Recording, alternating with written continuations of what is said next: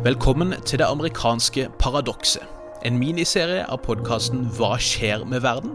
Med meg, Bjørnar Østby, og min gode kollega førsteamanuensis Hilde Restad. I det amerikanske paradokset så skal vi bli kjent med sentrale historiske og politiske utviklinger som har gjort USA til det landet det er i dag. Og i denne femte episoden skal det handle om det høyaktuelle og ganske forvirrende amerikanske valgsystemet.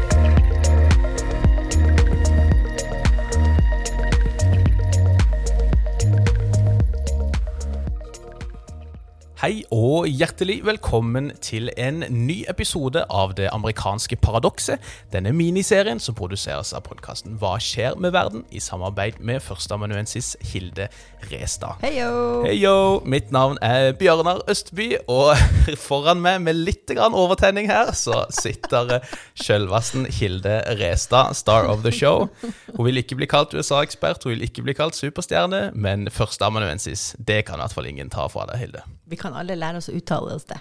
Ja, rett og Første slett. amanuens. For at journalistene sier at de vil ikke bruke det, for det er så vanskelig. Men hvis alle bruker det, så blir det lett. Mainstream førsteamanuensis, rett og slett. Pedagogisk eh, innfallsvinkel. Rett og slett. Eh, og vi får si eh, velkommen til eh, nye lyttere. Vi er jo så heldige at eh, NRK kjørte en sak på eh, podkaster for eh, USA-nerdene. Ja. Så eh, til nye USA-nerder som har slutta seg til våre rekker, hjertelig velkommen. Takk for at dere hører på. Join our cult. Det, ja, det Hilde sa. Det, det setter vi stor eh, pris på. Vi var vel den eneste på norsk der også, så det kan jo hende det sier mer om eh, nordmenns engelskkunnskaper enn om eh, nivået vi holder. Men eh, vi tar det som eh, et kompliment uansett. Må ikke snakke oss ned nå. Nei, vi må, vi må ikke det. Og uh, i dag skal det handle om noe som jeg må si jeg har gleda meg til. Ikke fordi at temaet er så kjempespennende, kanskje, men fordi det er så vanskelig å bli klok på det. Det skal handle om det amerikanske valgsystemet.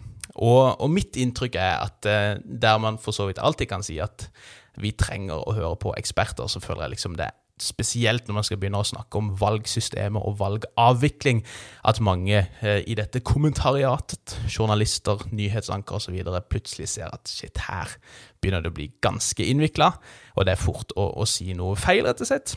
Og, og her har vi jo en liten anledning da, til å prøve å kanskje komme med noen korrekser, og i hvert fall på en så enkel som mulig måte forklare hvordan dette her ganske underlige amerikanske valgsystemet ser ut. Jeg hadde ikke engang tenkt å ha det her med. Altså det, det for denne podkastserien er jo basert på en bok jeg driver og skriver, som også heter Det amerikanske paradokset, som skal forklare det amerikanske politiske systemet. Og der har jeg et kapittel om valgsystemet. Jeg tenkte vi skal ikke ha en episode om det, for det er kjedelig. Men jeg har, eh, la oss si, sett på litt nyhetsdekning de siste ukene og tenkt jeg tror det, jeg tror det er nødvendig. Nå, nå trenger vi Hilde, har vi tenkt. Nei, det var, det, ok, det var det du som sa. Det var det meg som sa, men det står jeg fullt og helt innenfor. Men her har vi i hvert fall en anledning til å gå litt grundigere til verks. Det er jo ikke alltid man kan sette en 45 minutter til en time i beste sendetid på NRK for å snakke om disse tingene. Så da får vi ta den jobben, vi, da. Prioriteringer. Rett og slett. Og, og når jeg liksom leser bare sånn overfladisk om det amerikanske valgsystemet, og åssen dette her skal avvikles og sånt, nå som vi nærmer oss november, så, så skjønner jeg stort sett mindre og mindre når jeg leser. Det er liksom masse rare begreper med valgmenn, og enda verre valgmennskollegiet, og det er snakk om winner take all-type valg, og det er snakk om masse forskjellige sånne begreper som det høres ut som de som bruker de forstår, men som de kanskje ikke egentlig gjør, og jeg forstår det i hvert fall ikke. Så jeg tenkte vi skulle prøve å bli litt kjent med dette i dag, Hilde. Det her er utfordringa, for hvis folk etter å ha hørt på denne episoden blir mindre klok, så har jeg jo totalt feila. Da, da skylder vi på meg. Det er som en sjarlatan i studio her. Det du som Så jeg tar den på, Jeg får på min kappe. du blir sparka. Ja, ja men det, det høres ut som en god plan, det, Hilde. Vi sparker nedover her på Bjørknes Ja, ja, ja, alltid. Eh, jeg tenker, vi, eh, vi prøver jo å liksom være litt ansvarlige akademikere. Det er ikke så lett alltid, men eh, vi har snakka mye om definisjoner osv. Men jeg tenkte, i dette tilfellet så må vi kanskje bare zoome ut litt og se på USA som stat i første omgang, og hvordan den er satt opp. Og USA er jo en føderasjon, det er en føderal stat. Og det er ikke sikkert det er sånn åpenbart for alle hva det egentlig betyr for noe i praksis. da. Kunne du veldig kort, bare før vi går inn i liksom nitty-gritty greier her, forklart hva vi egentlig mener med det for noe? Ja, for jeg tror at mye av forvirringa egentlig blir oppklart hvis man bare understreker at det amerikanske presidentvalget er ikke et nasjonalt valg. det er et føderalt valg. Det utføres på delstatsnivå, og det er 50 delstater Ikke sant, ja. pluss Washington DC. Mm. Og fordi at USA er en føderalstat, så har delstatene masse eh, valgfrihet Mm. i hvordan eh, valgsedlene deres skal se ut i hver delstat, hvordan forhåndsstemmingsregler skal være eller ikke være, Mm. etc., etc., etc. Så det er delstatene eh, som bestemmer hvordan deres presidentvalg skal avholdes, det, så derfor kan det i teorien være 50 pluss 1, da, altså Washington DC, forskjellige måter å avvikle presidentvalget på. Og det er delstatene som sender valgmenn til det egentlige presidentvalget, som ikke er 3. november, men i desember. Interessant, interessant. I thought so. ja, du hører jeg allerede sliter med å henge med her. Eh, Så, så vi kan altså si at i en føderal stat så er mye av makta da desentralisert ut til delstatene, og så har man en føderal regjering på topp, da, på en måte, eller føderal ledelse med Ja, president i spissen. og historien om føderalisme i USA er jo for så vidt at det har vært en ganske sterk sentralisering av makt gjennom amerikansk historie, men akkurat når det kommer til valg, Mm. så har det egentlig ikke det. Interessant. Um, og derfor er det så mye forskjellige greier. Mm, og vi skal jo i, em, i andre halvdel av, av episoden i dag, så skal vi snakke om hvordan valget avvikles i år. Mm. I de særlig vi skal se på noen vippestater, for å liksom mm. illustrere praktisk eh, hva det her egentlig betyr. Mm. Men først så må vi kanskje hoppe over til det ordet du digger, valgmannskollegiet. Yes. Hva du tror? Ja, kan vi ikke gjøre det? Jo, vi gjør det. Hva i alle dager er, er det for noe? Det er en ordning som, fordi den er nedfelt i Grunnloven, er veldig vanskelig å endre. Em, så eh, for folk som sitter og tenker hvorfor har de det her rare systemet, det korte svaret fordi det er i Grunnloven, og Grunnloven er vanskelig å endre. Men det er mange ting ved valgmannskollegiet som ikke står i Grunnloven, som bare er praksis og sedvane, som kan endres på. Det skal vi komme tilbake til. Ja, ok. Mm. Så igjen, så for hver episode så, så, så havner vi i Philadelphia i 1787. In the beginning. In the beginning of time. Um, men så de her grunnlovsfedrene skulle jo da finne opp en helt ny eh, ordning. Og det var mange, mange viktige spørsmål de var opptatt av. Og akkurat hvordan de skulle velge øverste statsleder, var egentlig ikke prioritert. Det var ikke det de tenkte var viktigst. Ok. Så den, den diskusjonen havna litt på slutten av Ja. en varm sommer i Philadelphia, når folk var litt lei, egentlig klar for å dra hjem. Um, og det var, antagelig så var det også fordi at eh, man tenkte jo egentlig ikke at presidenten skulle være sånn kjempeviktig og kjempemektig, fordi man antok at kongressen skulle være, folkets maktgren skulle være den viktigste og mektigste. Stemmer, stemmer. Eh, og derfor var det jo at man eh, på en måte blant annet vurderte at, om bare kongressen skal utnevne presidenten. Og så, okay. og så slo man det fra seg, fordi da tenkte da blir det, da blir det ikke makt. Ordentlig maktbalanse. Da vil, eh, Lovgivernes tyranni, var det ikke det de snakket ja, om? da vil det, det som vi har snakka om i en tidligere episode, da ville, det bli, da ville Kongressen bli for mektig. Ja, ja. Men man skulle heller ikke ha um, direkte demokratisk valg. Altså folket skulle ikke stemme direkte på en president, for det Nei. vil jo være mobbens tyranni. ja, ikke sant. Tyranni på alle kanter. Tyranni overalt. Da kommer vi kanskje nettopp til en løsning her, da. Mm. Et slags kompromiss mellom disse to tyranniene. Ja. Em, så det her, man, man kom på en sånn uh, en slags mellomløsning, Mm. hvor um, hver delstat skulle få lov til å nominere valgmenn, som da skulle være vise eh, menn med høy, høy grad av integritet og uavhengighet, Mhm, mhm. og god vurderingsevne, som skulle få lov til å Fins det sånne menn, egentlig? Well, det ikke sant. Um, så de skulle få lov til å stemme på den presidentkandidaten de mente var den beste. Mm. Uh, og da var jo, som vi også har snakka om før, det var mange ting man antok som viste seg å senere ikke være riktig. Mm. Så de antok jo annet at det ikke kom til å være partier, ikke sant. Ja. Så de bare antok at det kom til å være kanskje, jeg vet ikke, fem, seks, syv, åtte, however many, Ja. personer som stilte til presidentvalg. Mm. Og så skulle de her valgmennene fra hver delstat vurdere hver og en person som ikke skulle ha noe med partiet å gjøre. Mm. Eh, og bare stemme på den personen de mente var best. Og fikk, hver valgmann fikk to stemmer, og, så da kunne man gi en, stem- en stemme til en person, en stemme til den andre personen, og så bare telte man opp. Og den som fikk flest stemmer, ble president, og den som fikk nest flest stemmer, ble visepresident. ja. Um, Og det, vi skal komme litt tilbake til hvorfor det var et eh, problem. For da Med en gang det ble partier, så plutselig så fikk man eh, president fra ett parti, og så fikk man visepresidenten fra et annet parti. Noe ganske sånn ulykkelig ekteskap der i presidentskapet. Vi si. kan nevne John Adams som eh, USAs andre president, med Mm. Thomas Jefferson som sin visepresident, som var erkefiender, og etter hvert representanter fra motsatte parti. Det var ikke så hyggelig Nei, nei, i den perioden. Litt sånn Trump-Hillary-duo. Det hadde ikke trengt å bli veldig bra. Det var, men det er faktisk en god sammenligning. Mm. For de var sånn intenst. De hata hverandre intenst. Ja, ja. Og representerte veldig ulike ting, så det Mm. var jo bare Ja. Så, så det, det kan vi Ja. Så eh, vi skal snakke litt om hvordan det her har endra seg, da. Mm. Men det vi sånn, bare for å ha det klart, så kan vi jo si da at presidentvalget i USA er et indirekte valg som Mm. foregår på delstatnivå, som vi akkurat har sagt. Så det er ikke sånn at du bare liksom sier 'jeg liker denne presidentkandidaten best', så krysser du av på det, leverer det, og så har du stemt direkte der. Det er ikke sånn det funker, rett og slett. Det er ikke sånn det funker.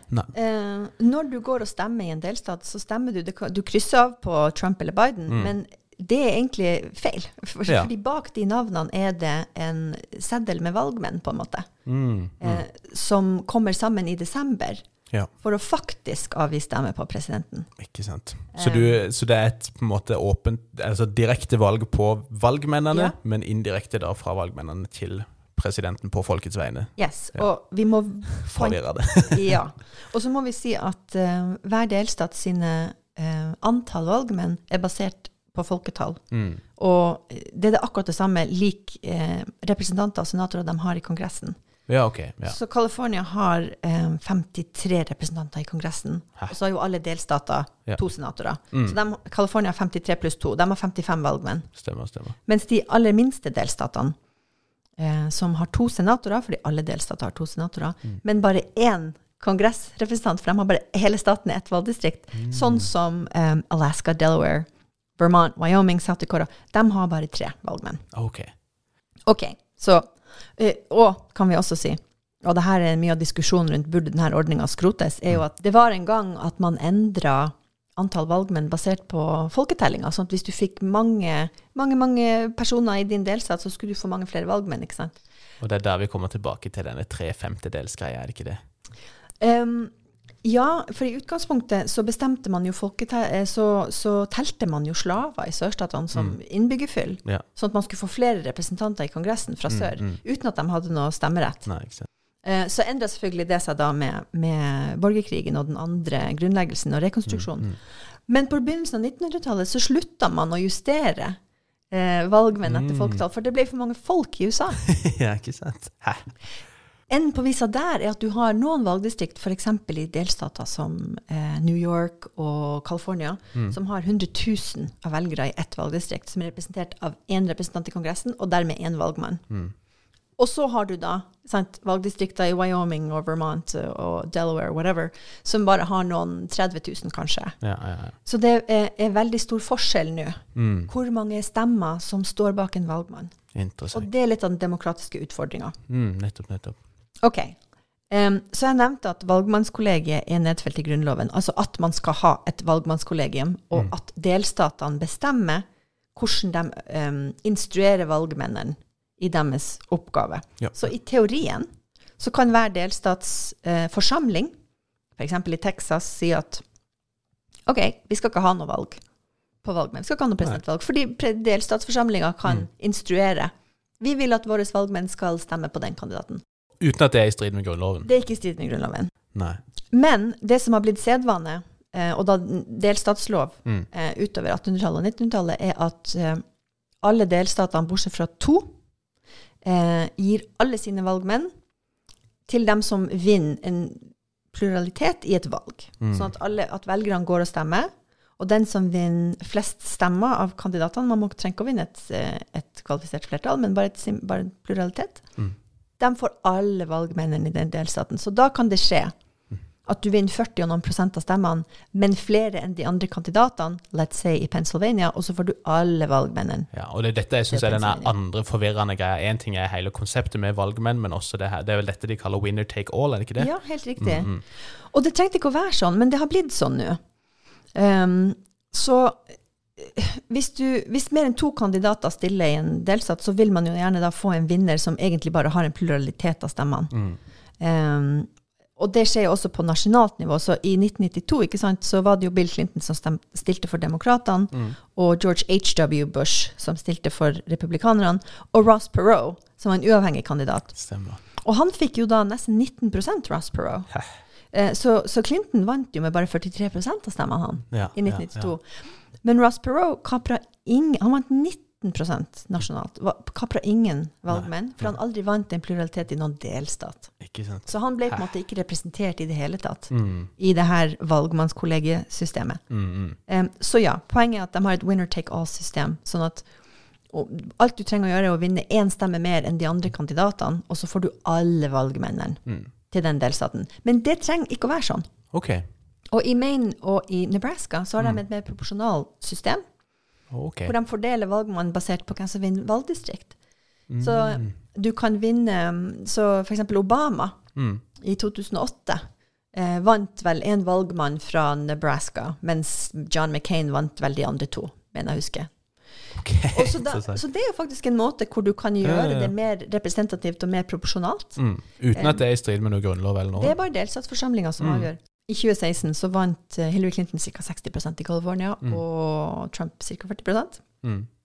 give or take. Så hvis eh, California sin delstatsforsamling ville, Mm. så kunne jo de bare vedtatt en ny lov, da, um, i forkant av valget selvfølgelig, hvor de eh, ga de valgdistriktene Trump vant, de valgmennene fikk Trump, Mm. ca. 40 ikke sant, da, Mm. av valgmennene, og, og Clinton 60 Mm. Så det her, det er mange ting man kan gjøre med valgmannskollegiet Mm. som ikke innebærer å endre, eh, å endre grunnloven. Nei. Men er det sånn i dag da at, at i all hovedsak så, så på en måte stemmer valgmennene på den representanten eller den kandidaten man forventer, eller er det noen som liksom går nærmest til opprør? og Jeg synes det, Du skrev noe om noen sånn troløse valgvenner og noe greier som hørtes ganske interessant ut. Oh yes. Så, ikke sant. Grunnlovsfedrene bestemte at valget skulle avholdes i november, men at valgmennene ikke skulle komme sammen før den første mandagen etter den andre onsdagen i desember, because of course. For å offisielt avgjøre hvem som blir president og visepresident. Mm.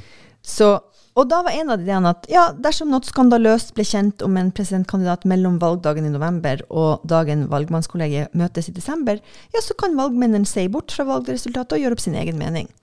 Ok. Fordi i utgangspunktet så skulle valgmennene, som jeg sa, de skulle Mm. være utdannede, vise, det skulle være eliten som kunne Mm. ta egne avgjørelser. Mm. Um, og, og være ganske uavhengig. Igjen, for man tenkte ikke at partier eksempel skulle Nei. instruere valgmenn, ikke sant. Just, just. Uh, og det har jo da skjedd et par ganger i amerikansk historie, men det har aldri endra resultatet, som jo er okay. viktig, da. Mm. Så mellom 1948 og 2016 så var det kun én valgperson ved hvert presidentvalg som stemte for en kandidat de ikke skulle stemme på.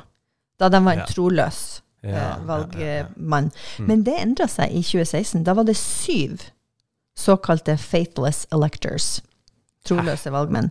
Og fem av dem skulle egentlig stemme på Hillary Clinton, men stemte på andre kandidater, mens Mm. Trump da mista to Mm, mm. valgmenn. Det endra ikke resultatet, Nei. Men det vitner jo om ganske mye misnøye Ja, ja, ja. med de to kandidatene. Mm, mm. Um, og så har vi en ny høyesterettsavgjørelse fra 2020 okay. i uh, Chiafalo v. Washington, som sier at delstater har myndighet til å beordre sine valgmenn til å stemme sånn som de har lova, altså at de ikke har lov å være troløse.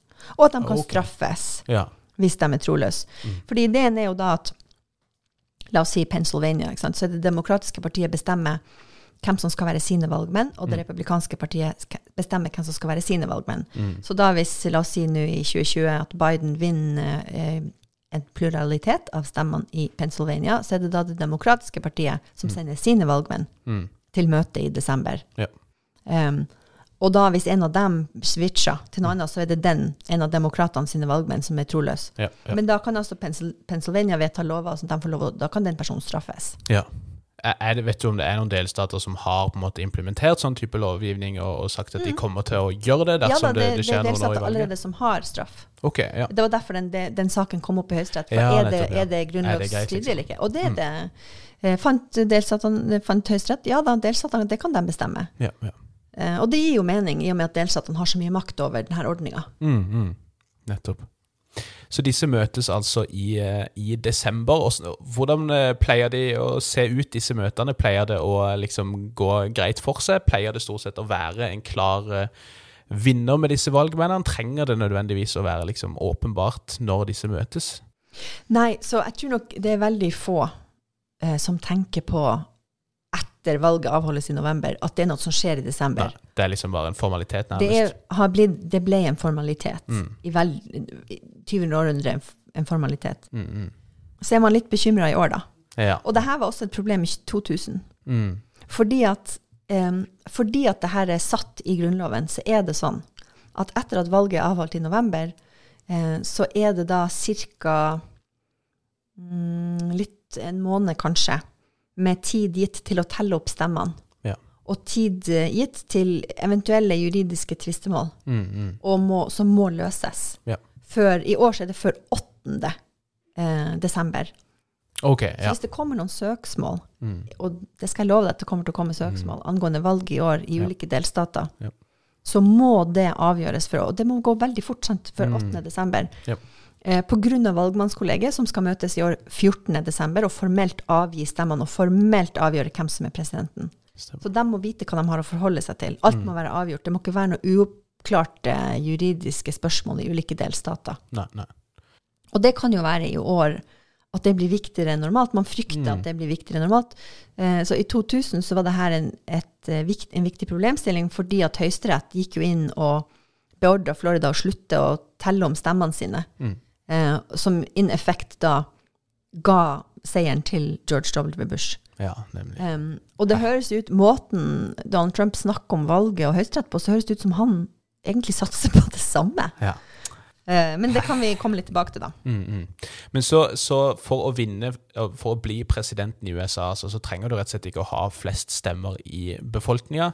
Du trenger å vinne flest valgmenn, ikke sant? Ja, Og hvor, hvor, mange, hvor mange må du vinne, holdt på å si? Og eh, kan vi kanskje snakke litt om hvordan dette kom til uttrykk i 2016, som vel kanskje er et av de mest dramatiske tilfellene på denne mismatchen mellom stemmer i befolkninga og antall valgmenn som blir eh, ja. vunnet. Ja, fordi at eh, det er også da like mange valgmenn som det er representanter og senatorer i Kongressen, Mm. pluss de tre fra Washington DC, som ikke er en delstat og ikke har representanter eller senatorer i Kongressen, men har fått tildelt valgmenn. Ok, ja. Så derfor er det, eh, det er jo 330 435 representanter i Kongressen, så det er 100 i Senatet, og så er det tre ekstra til DC, så det blir 538. ja, ja. 538 for dem som følger Nate Silvers. Ja, ok. Hey, lightbulb moment. Ja, ja, det, det var det faktisk for meg. Ja vel, ok. Ja, 538, et fint og rundt tall. Så da må du vinne 270 Ja. valgmenn for å, for å vinne presidentskapet. For du må ha halvparten pluss pluss én. presidentembetet. Jesus lord. Ja. Eh, Og da, fordi at det er veldig stor ehm, mismatch, det er uproporsjonalt mellom eh, valgdistrikt og antall velgere. mm, mm. Um, så når man snakker om at ja, Hillary Clinton uh, fikk liksom nesten tre millioner flere stemmer enn Donald Trump i 2000, men det var bortkasta stemmer i Mm. California, så handler jo det om at det er veldig veldig, veldig mange flere velgere i et valgdistrikt i, i California som er representert av én valgmann, Ja, enn det er i de her eh, landlige, Mm. mindre befolka delstatene, som Mm. da for tida gjerne er mer konservative. Eh, og dermed på en måte har en, en sterkere representasjon eh, enn deres nummer, deres antall skulle tilsi. Og, og sånn sett så akkurat nå favoriserer valgmannskollegiesystemet det republikanske partiet. Mm. Det sånn, det kan variere fra historisk periode til historisk periode, men nå favoriserer det det republikanske partiet. Mm. Og det henger kanskje sammen da med disse tingene vi har snakket om tidligere, også med hvordan velgere har på en måte konsentrert seg i forskjellige, eh, forskjellige regioner, på en måte, og at det kanskje er mer demokrater i byer med enda flere folk i hvert valgdistrikt.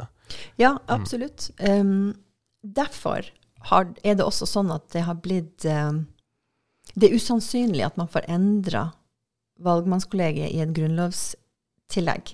Ok. For å endre Grunnloven så må Kongressen vedta et forslag til grunnlovsendring, og det må få to tredjedels flertall i begge kamre. Ja, lykke til. Det, det er bare første hinder. Og good, oh, ja, good luck, luck, good Ja, med ja. det akkurat nå. Good luck, have fun. Deretter må tre fjerdedeler av delstatene ratifisere forslaget. Ja, Det kommer ikke til å skje. Nei, nei, nei.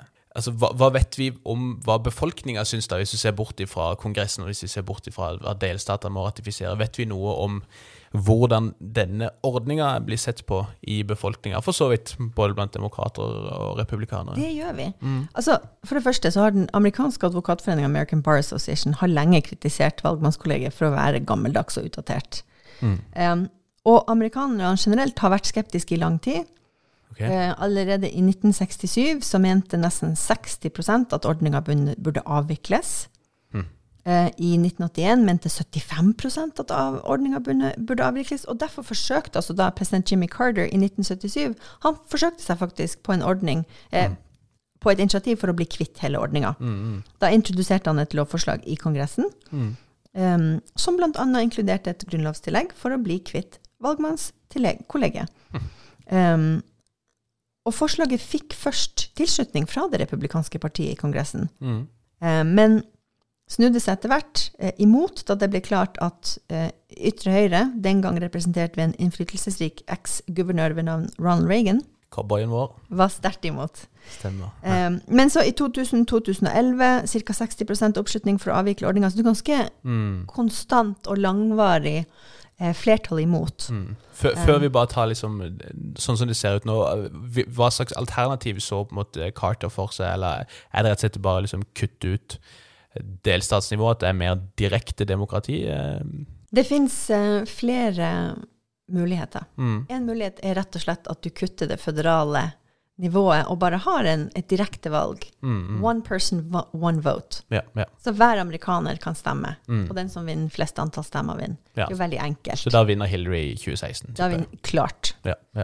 Um, så er det en annen kjempeinteressant um, reformforslag mm. på gang her, som heter The National Popular Vote Interstate Compact, som handler om å rett og slett eh, sno seg rundt det at man ikke får endra Grunnloven. Mm. Så forslaget sier at alle delstater som blir med på denne avtalen, mm. skal gi sine valgmenn til den kandidaten som vinner det nasjonale flertallet av stemmene, altså Hillary Clinton i 2016, okay. og ikke vinneren av den delstaten sine stemmer. Så det betyr ja. at hvis Pennsylvania hadde vært med på denne mm. ordninga i 2016, mm.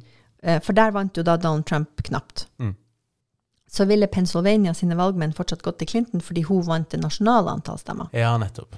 Så det er, en, det er en, måte Hæ, å, ja, en lur måte å få til egentlig popular votes. Ja. Så, uten at du endrer ordninga. Så du beholder valgmennene, men du mm. endrer hvilken, ja, hvilken, avstemming på en måte som avgjør hvor, eh, ja. Hvor de skal falle ned. Så da hører du ikke på stemmene, da hører du ikke på velgerne i din delstat, du hører på velgerne nasjonalt. Interessant. Det går jo da veldig imot føderalisme. Ja, ja, ja. ja um, states rights og alt dette. Ja, ja. Men hvordan har dette blitt mottatt, da? Eh, vet vi noe om så, det? Ikke, ikke, overraskende så er det da stor entusiasme blant demokratiske delstater for det og sikkert um, tilsvarende laber mottagelse blant republikanere, eller? Så ordninga sier jo at um, det her skal tre i kraft eh, hos de delstatene som har underskrevet, når man har nådd så mange delstater at man har nådd 270 valgmenn. For da, ja. da kan man jo gjøre en forskjell, ikke sant. Mm, mm, mm. Um, så i, i, oktober 2020 så hadde da 15 delstater pluss Washington DC underskrevet, og det utgjorde til sammen 196 valgmenn. Så okay. når, dersom de noen gang skulle nå 270 valgmenn, så ville avtalen tre i kraft, men jeg vet ikke om de noen gang vil gjøre det. Nei, nei, nei, nei. Uh, men skulle det skje, så vil det i hvert fall bety at ingen kandidat som taper antall nasjonale stemmer, kan bli president. Mm, mm. Ikke sant. Ja. De, hvis vi går tilbake til disse holdningene, si, så hørtes det ut som det var nokså konstant sånn i starten av 2000-tallet, men så skjer det noe for uh, noen år siden. Oh, I wonder what that is. Ja, kan du tro. I desember 2016, altså en måned etter det siste presidentvalget, så var det plutselig større oppslutning for valgmannskollegiet enn på lenge. Go figure. Da var det bare 49% som sa at de ville avvikle den ordninga. Ja. Og det, sier Gallup, er fordi det har vært en drastisk endring blant wait for it republikanerne. Sjokk av andre. Mm. Mm. Mens um, 54% av republikanere var imot ordninga i 2011, mm. var det kun 19% av republikanerne som var imot ordninga i desember 2016. Ja, interessant. Og så da hmm. tenker jeg det på sin plass å si at Det republikanske partiet har ikke vunnet et flertall av amerikanske velgere sine stemmer siden 1988. unntatt da George W. Bush vant gjenvalget i 2004. Ja, ja. Hæ, interessant. Så det er ganske dramatisk. Ja, visst er det det. Valgmannskollegiet er på en måte nå den eneste måten det republikanske partiet kan vinne nasjonale valg på.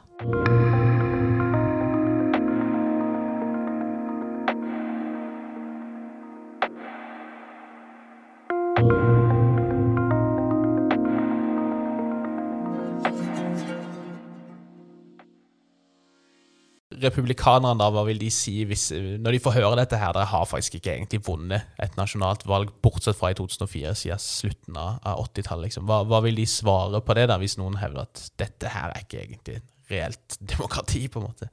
Da svarer gjerne republikanere at uh, USA ikke er et demokrati, det er en republikk. Ja, ok. Og Interessant. det er et interessant utsagn. Mm. Uh, det Betyr det det det høres ut som, eller er det litt mer nyansert, kanskje? Det er Det er et utsagn som man må forstå konteksten til. Mm. Fordi USA er jo åpenbart et demokrati. Ja. Mm. I den forstand at de har jevnlige og relativt frie valg. Mm. Det kan vi komme tilbake til neste gang. uh, styreformen er jo da republikk, som i ikke-monarki. Ikke så mm, USA er da en konstitusjonell republikk. Norge er et konstitusjonelt monarki. Ja. Men det betyr jo ikke at vi ikke er et demokrati. Nei. Eh, men den debatten er ekstremt frustrerende, for den handler jo egentlig om noe annet. Mm. Så når venstresida har som slagord 'one person, one vote', Mm. så er det for at det ville gitt seieren til Clinton i 2016. Ja. Eh, Høyresida sier ja, men det var ikke det grunnlovsfedrene ville ha. Nei, så er det tilbake til å tolke det der hva de egentlig ville i begynnelsen, da. Mm. Altså grunnlovsfedrene eh, grunnla en føderal republikk der det ikke var folket, men delstatene som skulle velge president. Altså, og det Mm. er for så vidt helt riktig. Mm, mm. Spørsmålet er er det passende I dag. i 2020. Ja. Det, det var mange ting grunnlovsfedrene bestemte i 1787 som man senere endra på, for det ikke var helt passende. Slaveri. Så maybe Mm. det går an å endre på også det her. Ja. Men så, så um, det konserva såkalte konservative synspunktet er da at nei, men grunnlovs, det her var det grunnlovsfedrene um, gjorde, og det syns vi er fint. Og det er delstatene som skal få lov å Det er egentlig delstatene som representeres i det her valget. Mm. Og hvis du gjør det til et nasjonalt valg, så faller hele delstatsperspektivet bort. Ja, ikke sant. Uh, så det har også med føderalisme å gjøre. Ja, ja, ja. Det som kan være en ulempe med det her Mm. føderale valgmannskollegiesystemet, er jo at um, en ting, så Republikanerne sier at det er viktig at delstatene representeres. Mm. Men det går jo da ofte på bekostning av velgere som føler at deres stemme ikke teller hvis man bor i feil delstat. ja, ikke sant. Ja. Så demokrater i Alabama Mm. eller republikanere i California har kanskje ikke så mye insentiv å stemme i et presidentvalg. Nei, nei. Selv om de kan ha insentiv til å stemme på kandidater med lokale valg. Mm, mm. Um, Og òg pga. denne winner take all-dynamikken, liksom, så er det ikke antageligvis noe poeng å stemme på en tredjepartskandidat heller, da, egentlig. ja, det, det, blir, det blir ofte sett på som a wasted vote. Mm. Um, og så innebærer det jo også da at delstater som Alabama og California ikke får noe oppmerksomhet i valgkampen, for det er ingen presidentkandidater som vil bruke et begrensa budsjett i delstater som er sikre. Nei, nei, nei. Um, men det er jo så, Og det er jo selvfølgelig når du driver en valgkamp, så er det selvfølgelig en rasjonell kalkulering du gjør Mm. i et valgmannssystem. Men det fører jo til at velgerne i de delstatene i stor grad blir oversett, som er i veldig stor kontrast Mm. til hvordan velgere opplever en valgkamp i en vippestat. Ja, ikke sant. Det er jo konstant, du blir kontakta på gata, Mm. på telefon, på TV-en. Da er du veldig involvert i Mm. valgkampen, Ja, ja, ja, På en, på, i presidentvalgkampen, på en måte som kanskje velgere i andre delstater ikke føler at de er. Mm. Det går jo mot eh, et valg nå, Hilde, og, og som vi har sett, eh, hvis dere har fått det med dere det, What? Where? og, og eh, det som jeg syns er ganske forvirrende også, er jo nettopp dette her med delstats og hvordan forskjellige delstater har frihet til å avvikle eh, disse valgene på ganske mange forskjellige måter. Og det virker jo som det også kan være til stor forvirring for de som skal stemme selv nå i dette ganske eh, uvanlige valget midt oppi en koronapandemi. Eh, rett og slett fordi det er så mange forskjellige måter dette løses på. Kan, kan du si noe litt om hvordan forskjellige delstater velger å avvikle valget nå frem til november? Ja, så igjen det at det er 50 forskjellige delstater som bestemmer reglene for sine valg, så er det mange ting å tenke på. Mm. Eh, hver delstat har ulike regler for om man skal ha forhåndsstemming, om man skal ha brevstemming, hvordan valgsedlene skal se ut, hvilken type ID man skal vise, hvor valglokalene opprettes, etc., etc. Og alt det her kan ha noe å si for valgoppslutning og hvor, flink, eh, eller hvor mange som til syvende og sist får avgitt stemme. Mm.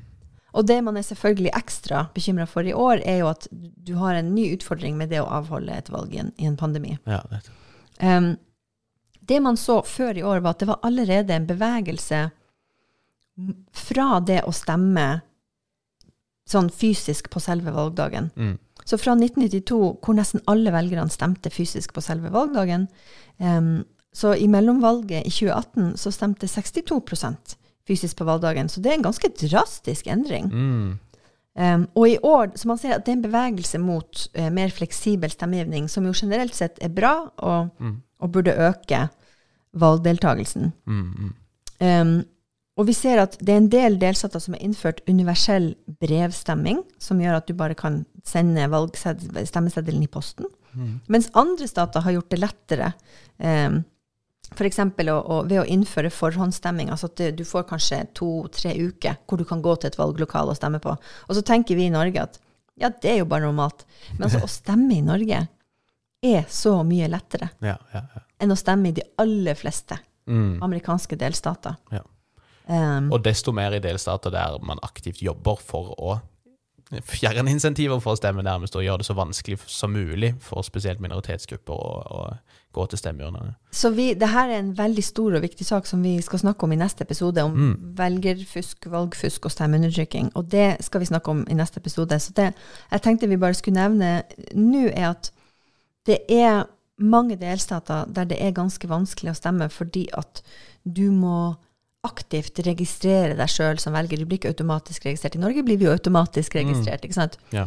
Eh, eller du må aktivt be om å få lov til å stemme i posten. Du må søke, du må sende inn en søknad om å få lov til å stemme i posten. Og i en pandemi så er ikke det ideelt. Nei, nei. nei, nei. Eller du må ha vitner. Også vanskelig i en pandemi hvis du bor alene. Vitner som skal bevitne når du stemmer, eh, sender valgseddelen din i posten. Det er mange, mange rare regler. Em, og en løsning i år kunne vært, ha vært at man bare, at så mange delstater som mulig eh, på en måte gjorde så mye de kunne for å gjøre det enkelt å stemme i posten. Sånn at man ikke trenger å møte noen og utsette seg sjøl for smitte, ikke sant. Em, men så har jo da eh, Trump-administrasjonen politisert det her. Ja. Og ikke bare litt heller. Nei, og det er et kjempeproblem.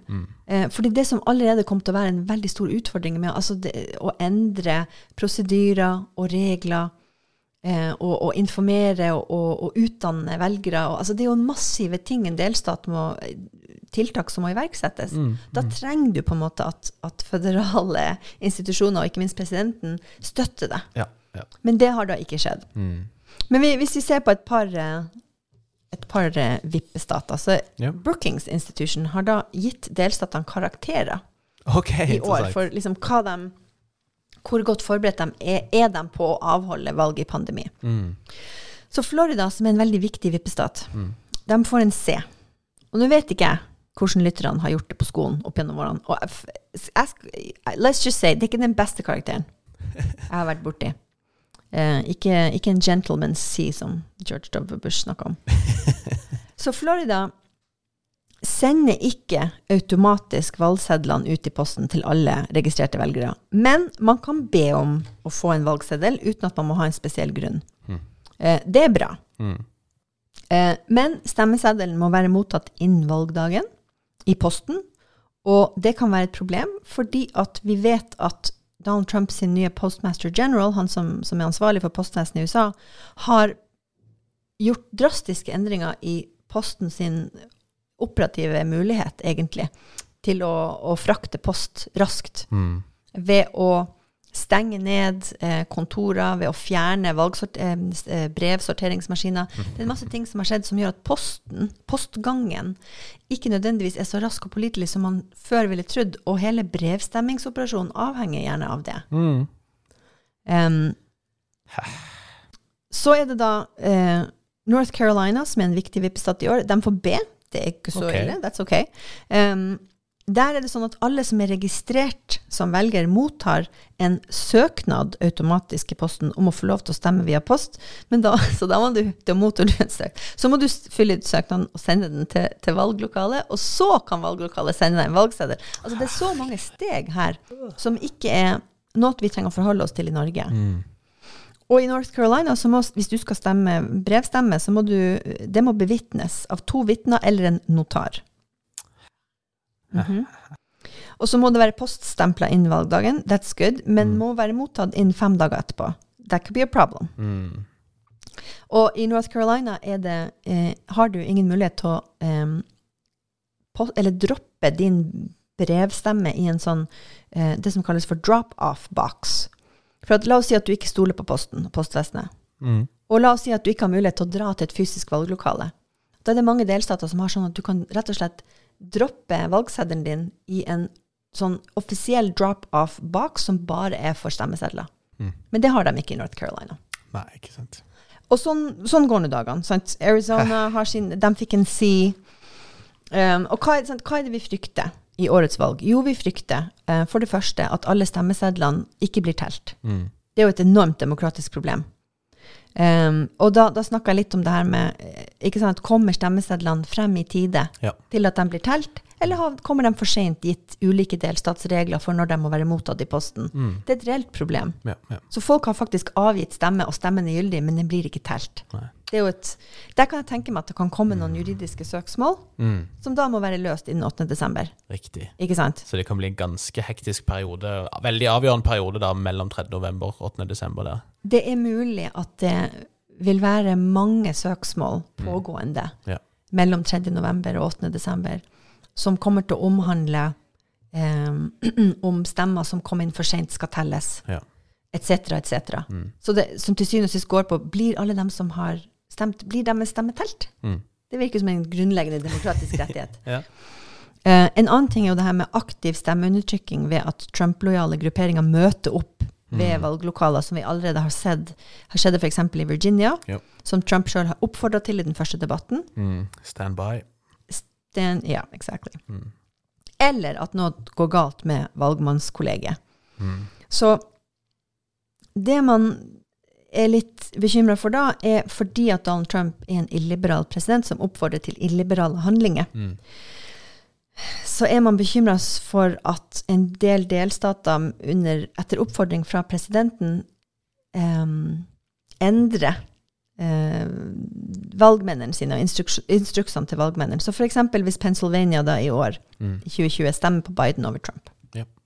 så er det jo sånn at delstatsforsamlinga skal utnevne valgmennene som de, de demokratiske valgmennene, ikke sant? Mm. Sånn at de offisielt stemmer på Biden 14.12. Men delstatsforsamlinga i Pennsylvania er kontrollert av republikanerne. Okay. Så det man, og det her har aldri vært noe problem. Nei. Men det man er redd for i år, pga. Donald Trump som en sånn unik X-faktor, Mm. Er jo f.eks. at Trump da går hardt ut og hevder det har vært valgfusk i Pennsylvania. Ja. Det har vært massiv valgfusk med brevstemming. Mm. Eh, og derfor vant egentlig Trump, og Pennsylvania må sende de republikanske valgmennene 14.12. Mm. Mm. Og det er da 6. januar eh, at det er Kongressen som offisielt eh, konkluderer med hvem som har blitt president og visepresident. Mm. Og den 6. januar, basert på det valgmennene bestemmer 14. desember, det er da den nye kongressen, den som ble valgt inn 3. november, som møtes i Representantenes hus for å telle valgmennene sine valgsedler. Men det er den gamle visepresidenten, som er i kraft av å være senatet sin president i henhold til Grunnloven, som skal styre presidenten. Så Thanks, thanks founding fathers. Fa- der falt jeg faktisk av okay. for første gang. Yes. Å, men det var første gang. Ja, faktisk. Ok, der er jeg jo oh, That's not so bad. Nei, nei, nei. nei. C plus for me. Yes. du får en B i min bok, Hilde. Så um, 14. desember, valgmennene eh, møtes i hver sin delstat og offisielt avgir stemme på president og visepresident. Mm. 6. januar, så inn, da er det bare noen dager siden den nye kongressen har kommet til Washington DC, de som vant i november. Mm. Eh, la oss si at eh, demokratene vinner både Representantenes hus og Senatet. Da er det nye, nye representanter og senatorer som møter opp i Kongressen. Men det er den gamle visepresidenten, som Ja. da er Mike Pence, som skal styre den prosessen. Så det, ja, ja. i, og det her er vanligvis ikke noe problem. Nei.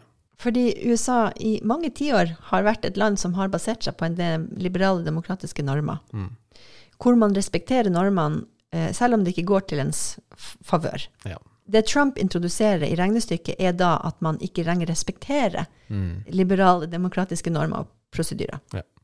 Og hvis man ikke gjør det, så er det mange muligheter for å forstyrre, ødelegge, undergrave prosessen. Mm. Mm. Eh, hvis man har bad faith actors. Ja. Hvis Mike Pence, selv om Biden vant valget, nekter å underskrive på at det her er greit i januar. Ja. Ikke sant? Så, eh, og, og det har veldig mye å si hva Donald Trump sier og gjør, og hvilke signaler han sender. Ja. og det er vel noe av det demokratene virkelig må tenke på nå. Hva, hvordan skal vi respondere hvis han gjør dette eller dette eller dette? Det, det er vel mange muligheter for ganske sånn umiddelbare politiske kriser i denne perioden mellom november og januar, for å si det sånn. Det er det. Eh, og en av de tingene som er igjen et tegn på hvor, i hvilken uvanlig tid USA eksisterer i, mm. er jo at en, eh, jeg kjenner mange statsvitere og eh, historieprofessorer og en del andre mennesker som er med i sånne simuleringsgrupper som på en måte prøver å rett og slett sånn rollespill liksom, hva, hva, hva skjer hvis, hvis man introduserer udemokratiske, illiberale aktører i den amerikanske valgprosessen? Ikke sant? Hva, skal vi, hva kan vi gjøre? Hva er mulige utfall? For å forberede seg på nettopp det utenkelige. da. Eh, og Det man til syvende og sist er redd for, er jo at Donald Trump taper valget, men nekter å innse at han har tapt valget, og bruke ill illegitime midler for å bli sittende som president. Ja. Ikke fysisk makt, Nei. ikke militærmakt, men å game systemet Mm. på en måte som gjør at han nekter å dra. Ja. ja, og det kan bli ganske avgjørende å si hvordan demokratene responderer på noe, på noe sånt. Ja, og Derfor er det også viktig å få med seg at valget er ikke ferdig 4. november. Det kan skje ting i desember, det kan skje ting i januar. Og, og i år da med. Eh, I år med mail-in-voting og sånn, da er det kanskje god grunn til å tro at det vil ta lengre tid enn normalt også å finne ut hvem altså, Ja. Om ting så fungerer bra også, Ja, da, vinner. det, for det, det er vel lite sannsynlig at vi kan våkne opp morgenen 4. november med en klar vinner av presidentvalget. Du, det var bra du sa. Det hadde jeg glemt. Ja. Eh, så. Fordi at um, Igjen pga. valgmannskollegiet så er det mange delstater vi ikke er opptatt av. Mm. Men vi er opptatt av å vite hvordan det gikk i vippestatene, der det kan vippe enten mot Biden eller mot Trump, Ja. og dermed avgjøre valgmanns, antall valgmenn, ikke sant. Mm. Um, så da er det veldig dumt at en del vippestater har regler som tilsier at man ikke skal begynne å telle stemmene til alle dem som ikke stemte på valgdagen, men stemte før, før valgdagen. Og nå, i et år med, som antageligvis da blir usannsynlig mange stemmer, Mm. så blir det en sånn enorm oppgave som vil ta mye lengre tid enn det ellers ville tatt. Ja. For stemminga er jo i gang nå, så man kunne jo begynt å telle nå i mange steder, men det, Yes, men det skjer ikke. Man kunne ha begynt å telle nå. Og det er så slitsomt å tenke på at det her er det faktisk en løsning på. Uh, men, og det her er litt uh, interessant Mm. It's frikken sucks at det er Florida som skal få avgjøre alt igjen. Men i hvert fall. Så Florida, notoriske Florida, Mm. har da eh, kanskje lært noe av 2000. De er i hvert fall, man antar at de antageligvis vil ha ganske god orden på tellinga av sine stemmer, Mm. sånn at man kanskje vet resultatet i Florida innen en dag. OK. Hæ. Og Florida er en vippestat. Mm. Og gitt eh, hvordan vei eh, stemmene der trender i ulike velgergrupper, Mm. så kan det være at man kan gjette seg til til syvende og sist resultatet, selv om andre vippestater ikke er ferdig å telle. Okay, Eh, så, for da vil man få svar på For det er mange ting man lurer på når man ser alle de interessante meningsmålingene nå i ulike vippestater. Er det virkelig sånn at Joe Biden gjør det veldig bra blant eldre velgere? Mm. Gjør han det virkelig mye bedre enn Hillary Clinton blant eldre velgere? For det vil ha masse å si Mm. eh, for utfallet av valget. Hvis det viser seg å stemme i Florida, og det kan man få svar på innenfor antageligvis det første døgnet, Mm. da er det en god indikasjon på at det går bra for Joe Biden. Ja. Eh, eller man kan se på stemmesedlene fra andre ulike velgergrupper, latinos, eh, svarte amerikanere, eh, yngre velgere etc., etc. Ja, ja. Hvite velgere i forstedene. Altså det, det kan gi en indikasjon. Mm. Men det er altså da sånn at det kan, det kan være at det tar dager, jeg håper ikke uker, Mm. før man får telt alle de her stemmene. Ja. Og 8. desember må man være ferdig å telle. Ja. Uansett om man er ferdig eller ikke. Uansett. Så det blir fryktelig spennende å, å følge med, og ikke sånn gøy spennende. Bare fryktelig i beskrev jo ordets akkurat de siste forstand. fire årene av mitt liv. ja, jeg, vil, jeg vil bruke anledninga til å tenne et lys for alle som Hilde, som har som jobb å følge med på å skrive bøker, annet, om amerikansk politikk, som blir forstyrra hver eneste bidige dag med disse nye overskriftene. Sånn sett syns jeg det er litt forfriskende å kunne sitte og, og, og gå litt bak alle disse overskriftene, som, som vi sier, og prøve å ikke liksom bli helt utmatta av alt som skjer fra dag til dag. Og, og forhåpentligvis er det flere som kjenner på det. Men folkens, dere, skjønte dere det her? Jeg må si, jeg, jeg, Det var mye som falt på plass for min del nå. Ja, Det, og jeg, jeg kan ikke veldig mye om USA, men jeg er en type, typisk nordmann i og med at jeg følger med og mener mye, men jeg skjønner ikke så mye. Eh, så hvis jeg kan se på meg sjøl som en representant, så håper jeg at dette i hvert fall var forståelig, for jeg syns i hvert fall jeg lærte masse. og vi oppfordrer oss, fordi vi er jo undervisere og pedagoger her på høyskolen. Hvis det er noe som dere ikke skjønte, sk skriv til oss. Skriv spørsmål på Twitter eller Facebook eller hvor som helst. Vi vil gjerne svare på det som dere fortsatt ikke skjønner. Definitivt. Og vi hadde jo egentlig begynnelsen tenkt å lage sånn tre-fire episoder, men eh, podkast-toget det dundrer videre, det. Eh, så vi er tilbake igjen Ustoppelig. Ustoppelig. Eh, Så vi dundrer videre vi neste uke. Da skal det handle om eh, valgundertrykkelse, blant annet. Og, og En stolt amerikansk tradisjon. Ja, dessverre. Og, og noe som vi kan få mye mer praksis av også denne høsten her. Eh, og vi har litt andre planer også.